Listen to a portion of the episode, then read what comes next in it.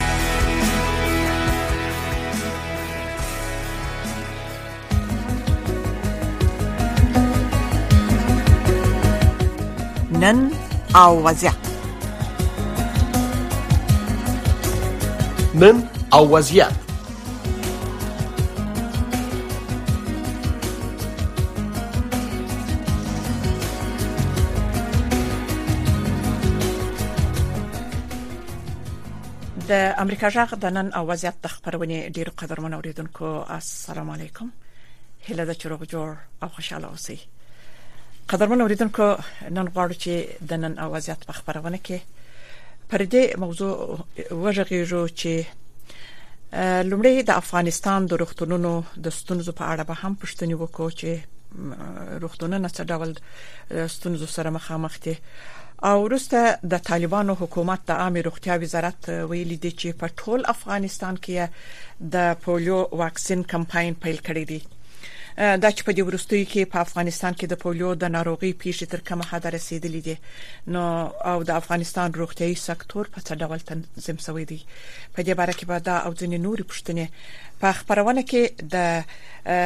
د افغانستان د روغتيایي سکتور په خاصه توګه د روغتونونو د څنګه د مسؤل متخصص ډاکټر هدایت الله ال نور سره وپوښتو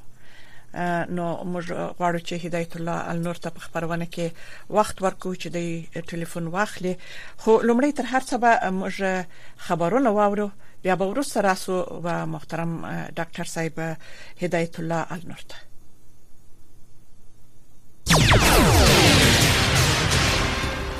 السلام علیکم درنو ریدونکو ستړي مشئ زه زیبا خادم یم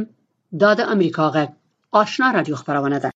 د نړۍ د دې ساعت خبرونو ته ساسې پام را اړوم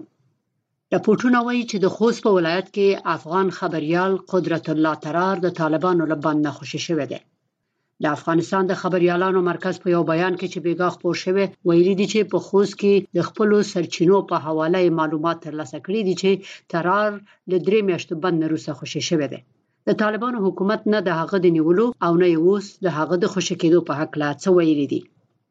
د افغانستان د خبریالانو مرکز د ښاغلي ترار د خوشې کېدو هرکلی کړی، مګر په عین حال کې د طالبانو د حکومت نه غوښتي دي چې دوه نور خبریالان خیرالله پرهر او مرتضی بهبودي هم له بند نه خوشې کړي.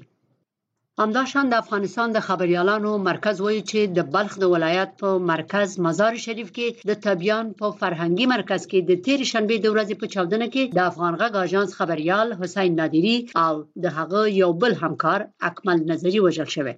د مرکز ویلي دي چې په دې چاودنه کې اتل لسور خبريالان ټپي شوي هم دي او د زنو روغتيایي وضعیت ښه نه دی د طالبانو د اطلاعات او فرهنګ وزارت تر اوسه پورې په دې حق لا څه نه دی ویلي همداشان د خبريالانو ترمنځ د چاودنې مسولیت هم تر اوسه کومه وسلواله ډلې په غاړه نه دی اخیسته د طالبانو د حکومت تر کنټرول لاندې باختر اژانس او په افغانستان کې یو شمیر خصوصي اژانسونو نن خبر ورکړی دی چې دوبۍ ته خپل نوی جنرال قنصل معرفي کړی دی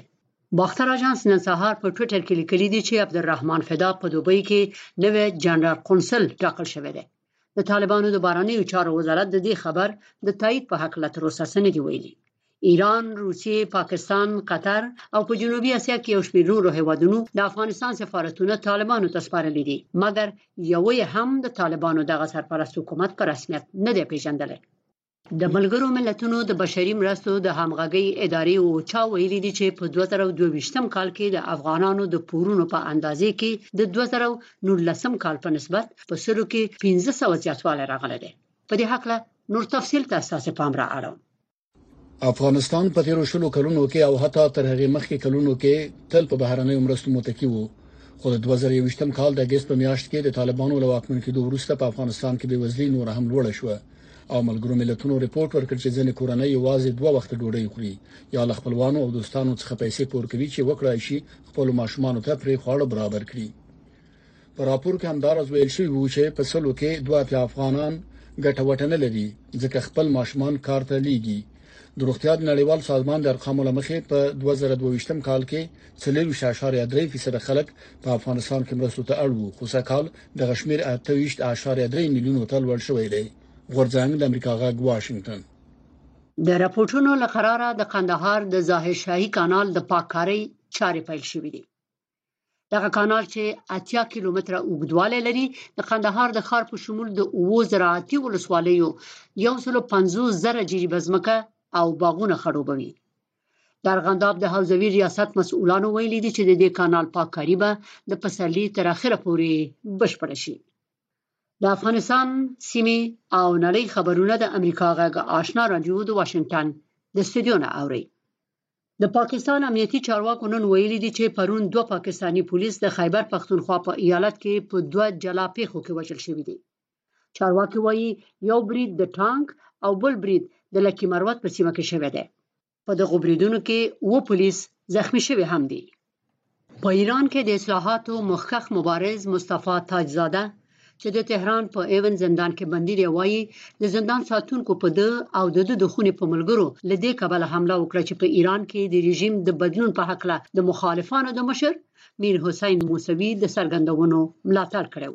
موسوي او د مدني ټولنو ډلو تېره میاشت په ایران کې د اوسني دیکتاتور رژیم په ځای د ډیموکراسۍ د ټینګښت غوښتنه کړې ده. تاجزاده په یو لیک کې لیکلي دي چې د دې اونۍ په پیل کې د زندان ساتونکو د دوی خونه وپلټله او د دوی ځینې شخصي شیان هم ضبط کړل. دا خبر په داسې حال کې رسېدلی دی چې د ایران حکومت ادعا کړې ده چې د عفوې د یو فرمان په اساس یې له اتیا زرو نه زیات بندیان له محبسونو نه خوشې کړي دي. جمهور رئیس زیلنسکي وایي د اوکراین راتلونکی د ختیځې جبهې په جګړو پورې تړلی دی.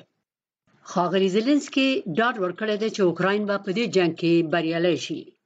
په عین حال کې د اوکراین پوځ نن ویلي دي چې روسي قواو په جګړه کې د درنو تلفاتو د زغملو باوجود په بخموت او ځینو نورو ښارونو کې حملو ته دوام ورکړی. د جنوبي کوریا پوځ وایي چې شمالي کوریا نن له خپلو ختیځو سمندري غاړو نه یو بالستیک توغندی توغولی دی د توغندي د واټن او نورو جزئیاتو په هکله سمدستي معلومات نه دي ورکړ شوي شمالي کوریا د امریکا او جنوبي کوریا د یو لس ورځنیو پوځي تمریناتو د پیلېدو نه پس نن دغه اقدامات کړي دي او استرالیا د خپل سمندري قواو د عصري کولو لپاره د امریکا نه جنگي او زروي تحت البحري بیړۍ اخلي دا خبره د دوشنبه په ورځ د امریکا جمهور رئیس جو بایدن د استرالیا صدر اعظم انټونی البانیز او د برتانیې صدر اعظم ریشي سوناک کړې ده زیبا خادم امریکا غږ واشنگتن طالبانو د افغانستان له دننه د امریکا غږ راډیو خبرونه درولې دي خو امریکا غږ په پوره شمنتیا خپل افغان اوریدونکو ته په پښتو او دری ژبه د کره باوري او هر اړخیزو خبرونو په خبرولو د افغانستان له بهره په 902 کیلو هرتز منځنوي سپو خپل خبرونه ته دوام ورکړي د دې ترڅنګ تاسو کولای شئ چې زموږ پښتو خبرونه په لاندو چپو هم واورئ پښتو سهارنې خبری خبرونه پر 2290.0 سپو اوریدل شي ما خبرنې پښتو خبرونه په 2140.0 2015.0 9815.0 14590.0 میګا هرتز لاندو چپو اوریدل شي سپینه خبره یا رکو راز خبرونه په لاندو چپو 2015.0 میگا هرتز د نن او وضعیت یا روایت امروز خبرونه په لاندو چپو 2041.0 9915.0 2015.0 او ساسه غټ یا صداي شما خبرونه پر لاندو چپو 2015.0 نهه زره درې سوه پنځه پنځوس مېګا هرتز اورېدلی شئ. قدرمن اوریدونکو بیا هم ښه راغلاست و خبرونه ته د نن او وضعیت خبرونه ستاسو څخه ډیره مننه د حوصله څخه مو محترم ډاکټر صاحب په لین کې دی ډاکټر صاحب تاسو خبرونه ته ښه راغلاست السلام علیکم ډاکټر صاحب په لین کې یاست بله شافیه قرو علیکم السلام ډیر مننه محترم ډاکټر صاحب چې درنو اوریدونکو ته به معرفي کو چې د افغانستان د روغتيایي سکتور په خاصه توګه د روغتونونو د څنګه مسؤل متخصص ډاکټر هدایت الله النور دی نو ستاسو ته بیا هم شرغلاست وایم ډاکټر صاحب کورمودان چې وخت مراقي او خبرونه ته تاسو حاضر سولاس ډاکټر صاحب غواړو چې نن دا چې تاسو مسلک هم د روغتياي سکتور د څنګه مسؤل یاست او په خاصه توګه په روغتونونو کې نو لومړی پښتنه به تاسو څخه تاسو د مسلک په اړه وکم چې د افغانستان روغتياي سکتور په اوسنیو وخت کې څه ډول تنظیم شوی دی او په څه حالت کې دی مهرباني وکړئ ډاکټر صاحب شافیا پور تاسو ته او تاسو همکارانو ته تاسو له طریقه خپل ټول اوریدونکو ته د امریکا غږ ټول اوریدونکو ته سلامونه احترام او اړین کوم راځم تاسو پوښتنې ته شافیا خور د افغانستان روغتیايي سکتور اگر چې په دې تیرو دوه لسیزو کې کافي پرمختګ کړی دی او ډېر ډېر لاسته راوړنې لرلې خو بیا هم وبخښئ صحي شاخصونه یا د روغتیا کوم شاخصونه چې هغه باندې د یو ملک د صحت پرمختګ اندازه کیږي هغه هم د سیمې په کچه ډېر قابل د اطمینان نه دي په افغانستان کې اوس هم د مور او د ماشوم مړینه د مړینې کچه په سیمه کې زیاته ده د لاسرسي صحي خدماتو ته اوس هم ستونزمن دی د عمر د متوقع عمر چې او کس څومره ځان او ساتن کوي هغه هم په سیمه په کچه ټیټ دی نو هغه شخصونه چې هغه باندې موږ د ملک دغه صحي پرمختګ اندازه کوو هغه د اطمینان وړ نه دي بله په ټول ټول کې کومګه سرستي سي پورته نظر واچو نو د دې چیلنجونه یا چالشونه ډېر حرارتي دي بله دي زه به تاسو ته بله ډاکټر صاحب النور وبخشي رښتیا هم په اوسنی وضعیت کې چې موږ د روغتيایي هغه د روغتونونو وستونزو ته ګورو په خاص ډول په روغتونونو کې د ډاکټرانو ستونزې چې ډاکټران اکثره د وطن څخه تللي دي په وطن کې نسته هغه متخصص ډاکټران ډاکټران چې د مختلفو ناروغیو و په خاص توګه شذې ډاکټران چې موږ رپورټونه اخلو او موږ د خپل ډاکټرانو سره خبرې کوو د خلکو سره خبرې کوو د ډیر ستونزو سره دوی مخامخ دي او د شذو کمبود هغه ډاکټران چې په ولادي ونیسایي برخه کې برخ کار کوي وو او دا خورا ډېر مشکلات مشته دلته خپل اوریدونکو او رپورټونه راځي خو د افغانستان د روغتونونو د ستونزو په حق لچې څه ډول روغتونونه د مشکلاتو سره لاس او ګریوان دي د ډاکټرانو له لحاظه د بازي طبي وسایلو د لحاظه په څه ډول شافیا خور د افغانستان د تنونه هم چې څنګه ما مخکې ویلي ډېر حرارتي مشکلات لري یو مشکل خو تاسو ذکر وکړ د صحي پرسونل bale صحي پرسونل د افغانستان صحي پرسونل د مخینه د کمبود سره مخامخ دی او اوس چې د جمهوریت سقوط نه پس چې هغه سیمه چې د امنیت مشکل لرو ده اول ته اوس روغتيي کارکونکو کولای شي رسیدګي وکړي نو دغه اړتیا پرسونل ته سي پرسونل ته نور هم زیاته شوې ده زمونږ چې مخینه د خاص تر خزینه کارکونکو د کارکونکو د شدید کمبود سره مخامخ وو اوس چې نور نور نور چې کوم موږ ورته اوس په نوې اصطلاح کې وایټ ایریا یا سپینې ساحې وایو نو البته هم باید خېسي خدمات ورسیږي نو دا اړتیا ټول کې سي کارکنانو ته بیا خپل خصوص زنانه او ته ډیره زیاته شوې ده نو دا د دې کې شک نشته دا چالش دی او ډېر ډېر خلک چې تاسو هم ذکر وکړ په دې یو نیم کال کې ډېر متخصصین نو دغه شوی دی د مخه بهر تللی دی نو د کې څه خزینه هم شته او نارینه دا یو بل چې ستونزه ده چې ډاکټر صاحب هدایت الله النور دغه تاسو چې د ناروغانو په خاص ډول هغه شزینه ناروغان دي چې د بعضي ستونزې لري شزې چې د شزینه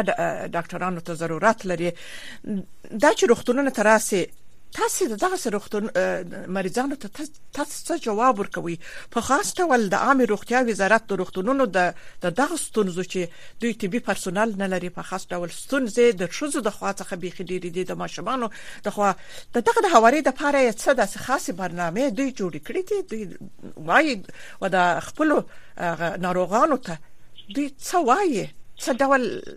د دوی مشکل ورحلوي شاته پورې په روغتياي سکتور کې په روغتونونو کې تر اوسه په فزیکي کار کارکونکو باندې یا ډاکټرانو یا نرسانو یا قابلګانو باندې کوم بندیز د کار نه لګول شوی او دوی په آزاد توګه راځي او خپل خدمات او خپل کار کوي خو هغه متخصصین نسته هغه شذ چې هغه دوی به د ولادي او نسایي د ستونزې بل حق چې موږ متخصصین نه لرو او بل مشکل دا دی چې شاید یو کال د کال په سر سره سیستم مواجه شي هغه دا دی چې د خزینه پوانتونونه طبي پوانتونونه چې هر کال فارغین ورته او دا سیستم کې جذبيږي بله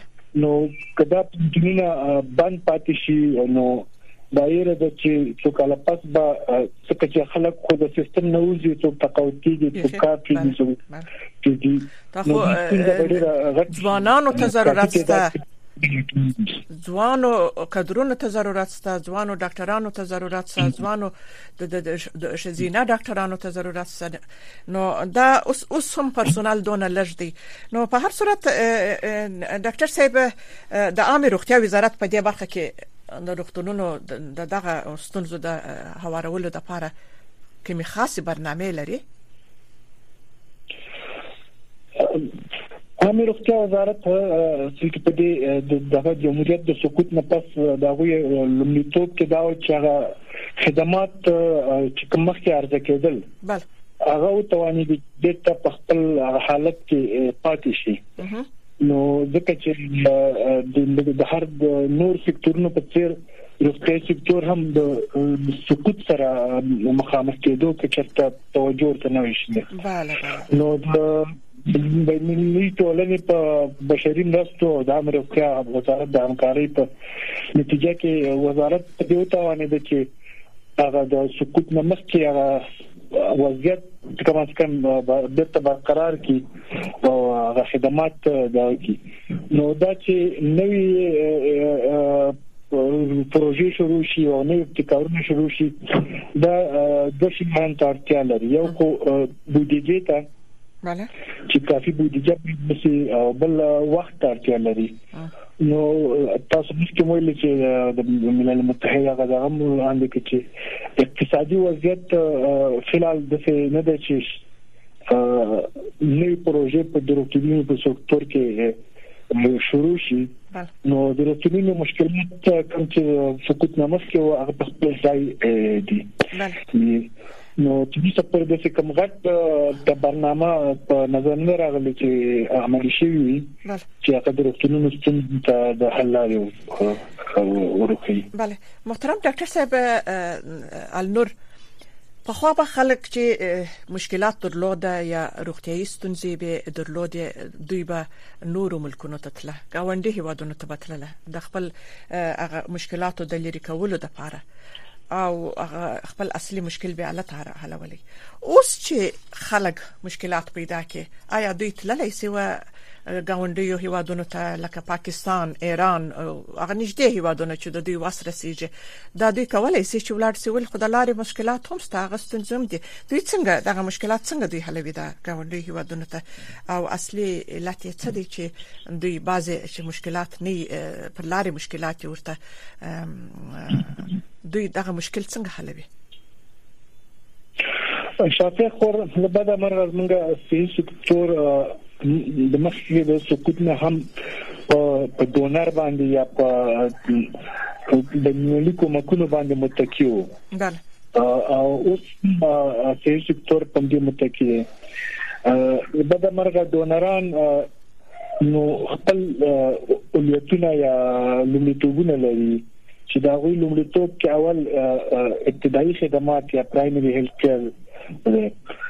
د روغتونونو خدمات چې موږ ورته هغه ته ثانوي ثالثي چوپړتیا یا خدمات وایو هغه ډېر بودیجه او ډېر ډېر ډېر پیسو ته ضرورت لري یعنی یو یو عام متخصصي روغتون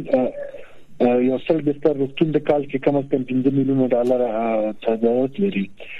نو دومره بودیجه دونرال هم ورته ځل کوي چې په دې سکتور کې سرمایه گذاري او پیدا دغه کی نو دغه وجه ده چې تقریبا هغه اویا فیصد نه زیات خلک چې خپل د جیب نه خپل مصارف ورکړي موږ ورته او پاکټ منی وایو او دغه شی خلک نور هم د غربت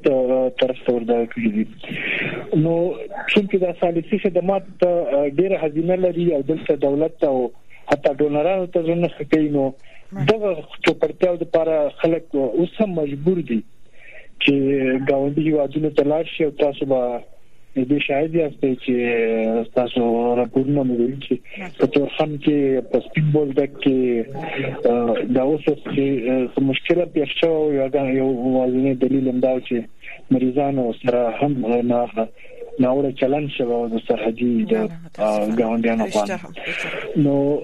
دا ستاسو د اوس هم پر ځای د خلکو سم د ثالثي خدماتو یا تخصصي خدماتو لپاره ګاونډي هیوادونو په طرف ته ځي خو دا هغه خلک دي چې هغه